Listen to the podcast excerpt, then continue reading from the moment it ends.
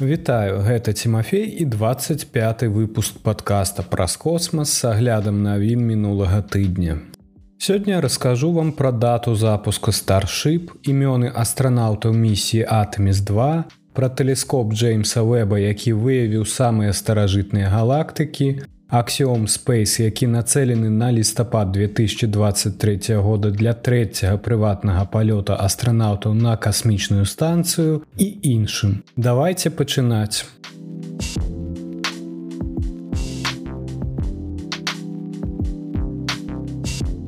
Пачнем з самай хвалюючай навіны гэтага тыдня. Старship завяршае сваю падрыхтоўку да запуску. Спроба запуску, магчыма, адбудзецца ўжо праз тыдзень каля 17 красавіка паводле абноўленай інфармацыі SpaceX. У сераду 5 красавіка SpaceX склаў свой гіганцкі карабель старship, падняўшы прататып верхняй прыступкі шып 24 на першую прыступку бустер 7 на базе кампаніі Starbase у паўднёвым Техасе пад'ём і яго наступствы былі засняты на відэо якім заснавальнік і генеральны дырэктар spacex Ілон маск падзяліўся праз цвітер раніцай у чацвер. Я пакіну спасылку на відэо апісанні. Кадры знятыя відаць з дапамогай беспілотніка дэманструюць цудоўныя марскія пейзажы а таксама зыркалёт вышынёй 120 метраў які стане самай магутнай ракетай калі-небудзь запущенной Сапраўды, зборка ў сераду была падрыхтоўчай працай да першага ў гісторыі арбітальнага выпрабавання старship, як адзначыў маск. У розных паведамленнях была інфармацыя, што SpaceX можа пачаць спробу ўжо ў панятелак 10 красавіка. Але на дадзены момант па апошняй афіцыйнай інфармацыі спроба запуску можа адбыцца 17 красавіка. Подписывайтеся на сацыяльныя сеткі майго подкаста, там я папярэджу вас аб дакладнай даце і часе запуску гэтай місіі. Поўны поспех выпрабавальнай місіі прывядзе да прываднення ракеты носьбіта ў мексіканскім заліве. Ашып 24 павінен прывадніцца ля берагоў гаваяў. Абедзве прыступкі старship спраектаваны так, каб іх можна было цалкам і хутка выкарыстоўваць паўторна што па меркаванні маска зробіць каланізацыю марса і мноства іншых адважных касмічных палётаў эканамічна здзейсняльнымі. Хоць старship яшчэ не выйшаў на арбіту SpaceX ужо замовіла некалькі місій у далёкі космас з караблём з нержавеючай сталі. Напрыклад, NASAа выбрала старship у якасці першага пасадачнага модуля з экіпажам для сваёй месяцовай праграмы Атоміс мэта якой з'яўляецца высадка чалавека каля паўднёвага полюса месяца ў 2025 годзе, а затым стварэнне базы ў гэтым рэгіёне. Акрамя таго, японскі мільярдэр Юсаку Маэдзава купіў палёт старship вакол месяца, аплаціўшы дарогу для сябе і васьмі мастакоў. А Дэніс Ціта, які ўвайшоў у гісторыю ў 2001 годзе як першы платны пасажыр, які дасягнуў міжнароднай касмічнай станцыі, плануе здзейсніць яшчэ адзін аблёт месяца разам са сваёй жонкай і іншымі членамі экіпажа. Імёны якіх пакуль не называюцца. Даты гэтых прыватных палётаў на месяц усё яшчэ прапрацоўваюцца. Не так даўно я зрабіў відэо аб старship і суперхэві. Калі вы хочаце больш даведацца аб гэтай місіі, то спасылка на відэа чакае вас у апісанні.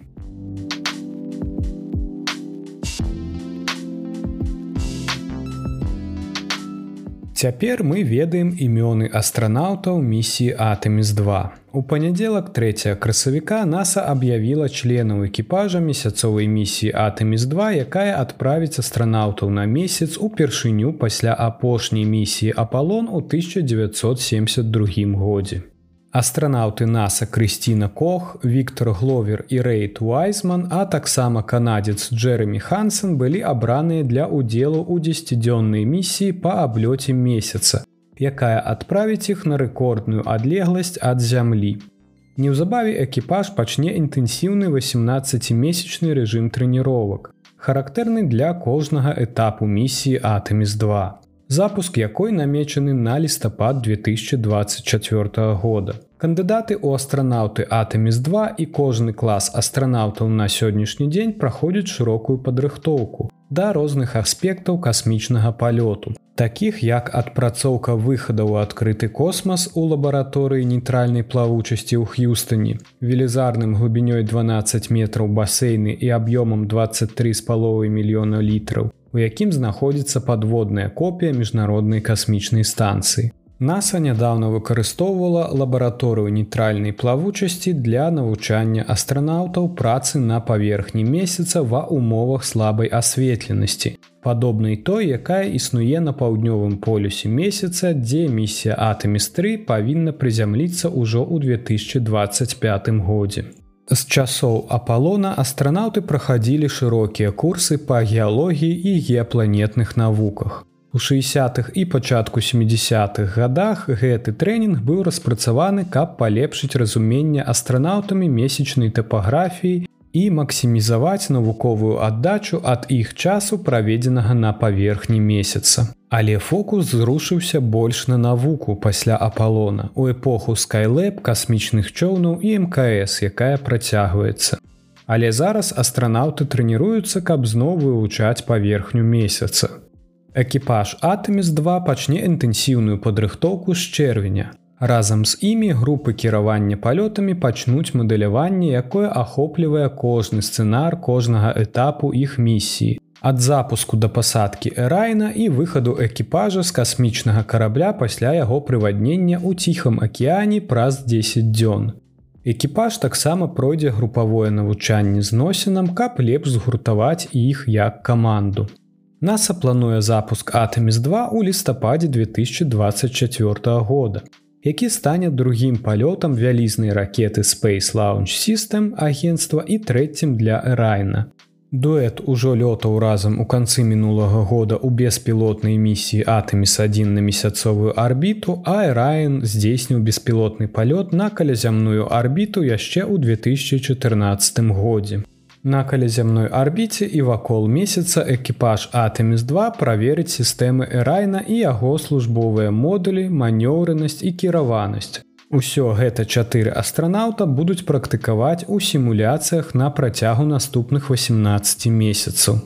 З гэтага моманту і да запуску экіпаж Атэміс2 і іншыя каманды NASAа будуць займацца параметрамі місіі, праверкамі характарыстык сістэм касмічнага карабля, каліброўкай сістэмы навядзення і незлічонымі іншымі тэстамі, каб падрыхтавацца. Яны пройдуць шырокую практычную падрыхтоўку па працы з Эрайн, SLС, іншым пускавым абсталяваннем і канкрэтнымі навуковымі эксперыментамі, якія ім спатрэбяцца падчас місіі. Апроч чалавечага фактару большая частка абсталявання для Атэміс2 яшчэ чакае поўную зборкі. Сегменты паскаральніка ракеты носьбіта знаходзяцца на захоўванні ў касмічным цэнтры Кеннеді Наса ў Флорыдзе. Асноўная прыступка Атэміс 2 SLС у цяперашні час усё яшчэ знаходзіцца на зборачным прадпрыемстве ў новым Арлеане. На наступным тыдні на маім патрыоне выйдзе невялікае відэо аб гэтых місіях.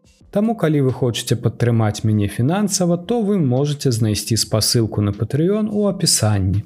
Для ўсіх астатніх відэо выйдзе на Ютубе праз некалькі дзён пасля выхаду на патрыёне.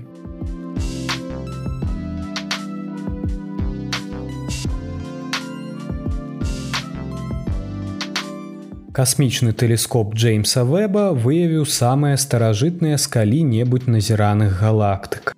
Чатыры галактыкі, даследаваныя магутным касмічным тэлескопам, бачныя такімі, якімі яны былі ўсяго праз 350 мільёнаў гадоў пасля вялікага выбуху. Астраномы зараз упэўненыя, што святло ад гэтых галактык ішло да зямлі больш за 13,4 мільярда гадоў. Пра гэта паведамляюць два новыя даследаванні. Вынікі паказваюць, што гэтыя галактыкі засялялі сусвет, калі яму было менш за 350 мільёнаў гадоў і дэманструюць хуткае з'яўленне першых пакаленняў галактык. Было вельмі важна даказаць, што гэтыя галактыкі сапраўды жывуць у раннім сусвеце. Цалкам магчыма, што бліжэйшыя галактыкі маскіруюцца пад вельмі далёкія галактыкі. Кажа Эма Кёрціс Лейкса, аўтар аднаго з новых даследаванняў і астраном ва ўніверсітэце Хартфаршера ў Англіі. Назіранне пацвярдждае, што гэтыя галактыкі знаходзяцца на краі нашага поля зроку, крыху далей, чым мог бачыць хабл. Гэта надзвычай захапляльнае дасягненне для місіі, кажа Кёрціс Лейк. Адкрыццё пацвярждае здольнасць тэлескопа Джеймса Уэба выконваць адну са сваіх найважнейшых задач. Вывучэнне ранняга сусвету з дапамогай святла, якое падарожнічае так доўга, што пашырэнне сусвету павялічыла яго даўжыню хвалі. Гэта называецца чырвоным зрушэннем. І мы можам выкарыстоўваць яго, каб памераць адлегласць. Чырвонае зрушэнне становіцца больш, калі святло распаўсюджваецца даўжэй. Яго святло распрасціраецца да інфачырвонага дыяпазону, што робіць тэлескоп Джеймса Вэба асабліва карысным для вывучэння ранніх галактык.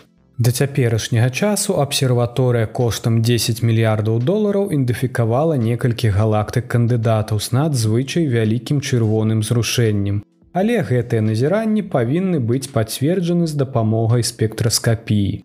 Спектраскапію можна выкарыстоўваць, каб правесці адрозненне паміж раннімі галактыкамі і больш сучаснымі галактыкамі, якія могуць мець падобныя ўласцівасці, таму што спектраскапія можа выявіць характэрныя адбіткі канкрэтных элементаў.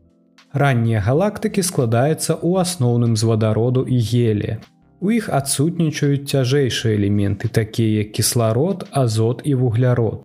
Гэта таму, што яны яшчэ не былі ўзбагачаныя цяжкімі элементамі, зробленымі зоркамі ў выніку ядзернага сінтэзу.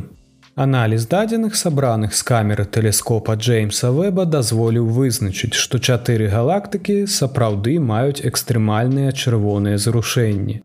Навукоўцы прыйшлі да такой высновы, таму што ў спектрах гэтых галактык адсутнічаюць кантрольныя прыкметы цяжкіх элементаў, такіх як вуглярод. А гэта азначае, што тэлескоп Джеймса Вэба бачыць іх такімі, якімі яны былі, калі сусвету было ўсяго ад 300 до 500 мільёнаў гадоў.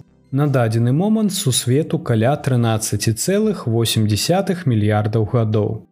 Упершыню мы выявілі галактыкі ўсяго праз 350 мільёнаў гадоў пасля вялікага выбуху. І мы можам быць абсалютна упэўненыя ў іх фантастычных адлегласцях.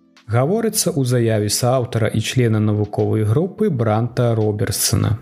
Навукоўцы выкарыстоўвалі больш за 10 дзён місіі тэлескопа Джеймса Вэба для вывучэння звыш глубокага поля, назіраючы за ім у 9 розных інфрачырвоных колерах. За гэтым рушыў услед 28гадзінны збор дадзеных з дапамогай прыбора нірспек на працягу трох дзён. Такім чынам арбітальны тэлескоп Джеймса Вэба прадставіў выключна адчувальныя і выразныя выявы рэгіёна, а таксама даў астраномам дадзеныя неабходныя ім для дакладнага вымярэння чырвонага зрушэння кожнай галактыкі і выяўлення ўласцівасцяў газу і зорак у кожным з іх.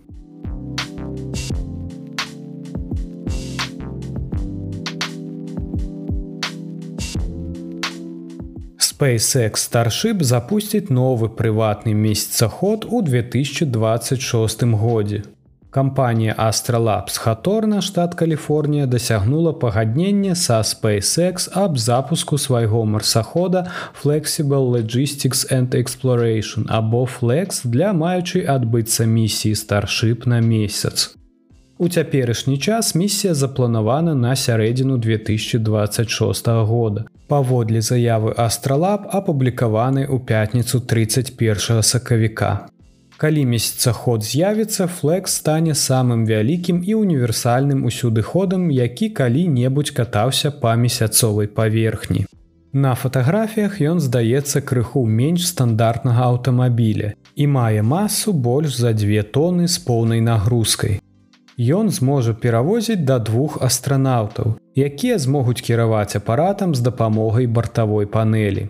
Флекс таксама прызначаны для дыстанцыйнага кіравання ў адсутнасць якіх-небудзь аператараў і абсталяваны арбатызаванай рукой здольнай маніпуляваць модульным грузавым адсекам карабля, у якім можа размяшчацца разнастойны набор навуковых інструментаў і камерцыйных тэхналогій.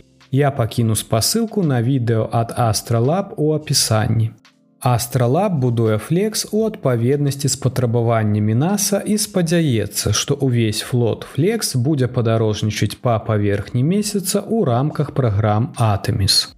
Мы стварылі лагістычную сістэму, якая можа змясціць самыя розныя грузы. Мы чакаем, што гэты падыход дапаможа стварыць пастаянны месяцовы аванпост на месяцы з меншымі выдаткамі і за меншы час, чым меркавалася раней сказаў зааснавальнік і генеральны дырэктар Астралап Джаред Мэтьюс у заяве кампаніі. Інжынеры Флекс таксама мяркуюць, што месяцаход будзе выкарыстоўвацца ў будучых місіях на Марсе. У прэс-рэлізе Астралап паведамілі, што кампанія падпісала ўжо некалькі пагадненняў аб перавозцы карыснай нагрузкі кліентаў у рамках першай місіі Флекс. Хоць ніякіх падрабязнасцей не паведамлялася, Астралап напісаў, што дэталі гэтых дамоўленасцей будуць апублікаваныя пазней гэтай вясной.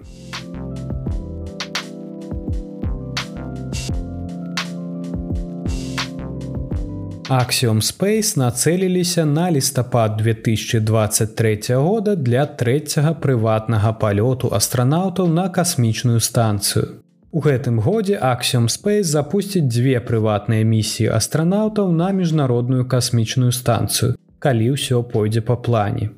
Хьюстонская кампанія ў цяперашні час рыхтуецца да палёту под назвай IX2. У рамках якога ў наступным месяцы плануецца адправіць чатырох чалавек у арбітальную лабараторыю на борце капсулы SpaceX Dragon, Акрамя гэтага NASA аб'явіла, што падпісала з Axiom Space заказ на запуск iX3, запуск якога намечаны не раней за лістапад гэтага года.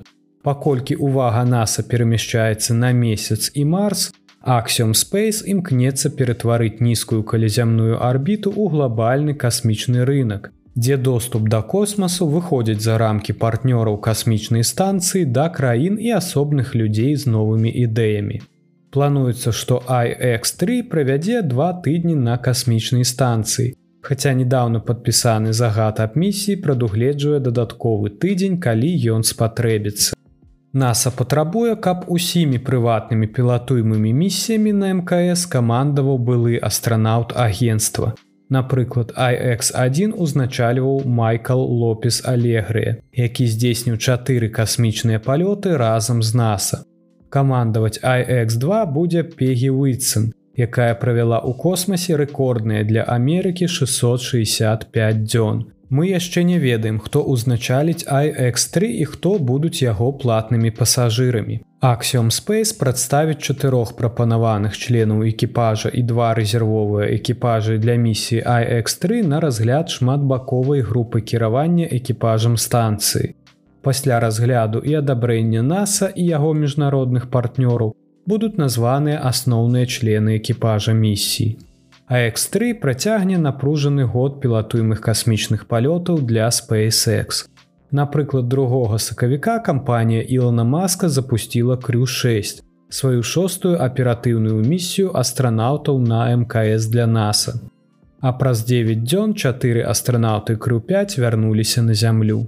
Плануецца, што iX2 стартуе ў наступным месяцы, а SpaceX плануе гэтым летам запусціць Polaris Don.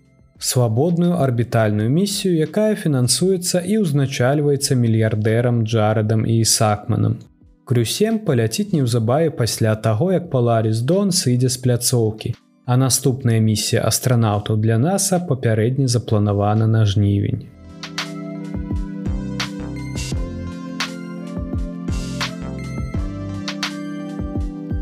Запуск першага ў гісторыі еўрапейскага зонда да Юпітера адбудзецца на наступным тыдні. Зонд еўрапейскага касмічнага агенства Jupiter Icy Moons Explorer або скарочана Джусі павінен стартаваць на ракете RN5 з еўрапейскага касмадрома ў куру ў французскай гвіяне ў 12-15 па Грынвічы 13 красавіка. Старт пакладзе пачатак доўгаму міжпланетнаму падарожжу Джусі, якое завершыцца прыбыццём касмічнага карабля на арбіту вакол Юпітера ў 2031 годзе. Затым шасцітонны зонд на сонечнай энергіі правядзе серыю аблётаў трох з чатырох вялікіх галілеевых спадарожнікаў Юпітера, ганімеды, Еўропы і каліста. Усе з якіх, як лічыцца, валодаюць акіянамі з вадой пад ледзяным пакровам. Затым у 2035 годзе Джуз перамесціцца з арбіты Юпітера на арбіту Ганімеда, найбуйнейшага спадарожніка сонечнай сістэмы. Гэты крок зробіць Джуз першым зондам, які калі-небудзь вярцеўся вакол незямнога месяца. Увесь гэты час Джуз будзе сачыць за Юпітерам і трымя мэтавымі спадарожнікамі з дапамогай свайго магутнага набору з 10 навуковых прылад, вывучаючы іх у беспрэтэдэнтных дэталях. Місія будзе характарызаваць гэтыя месяцы як планетарныя аб'екты і магчымыя месцы пасялення, глыбока даследаваць складанае асяроддзе Юпітера і вывучаць шырэйшую сістэму Юпітера як архіпелаг газавых гігантаў ва ўсім сусвеце. Напісалі афіцыйныя асобы ека ў апісанні місіі. За запускам Джус неўзабаве рушыць услед іншая юпітерская місія Еўропа кліпер NASAа, якая павінна стартаваць на ракете SpaceX Falcon Heavy ў кастрычніку 2024 года. Як вынікае з назвы Еўропа кліпер засяродзіцца на Еўропе, падрабязна вывучаючы ледзяны месяц падчас десяткаў аблётаў. Першапачаткова кліпер будзе круціцца вакол Юпітера як і Джусі. Многія астрабіёлагі разглядаюць Еўропу як адно з лепшых месцаў у сонечнай сістэме для размяшчэння іншапланетнага жыцця. Збольшага таму, што акіян месяца падобна знаходзіцца ў кантакце з яго камяністым ядром, што дазваляе адбывацца складаным хімічным працэсам. Пахаваныя акіяны ганімеда і калісты наадварот, лічацца заціснутымі паміж пластамі лёду.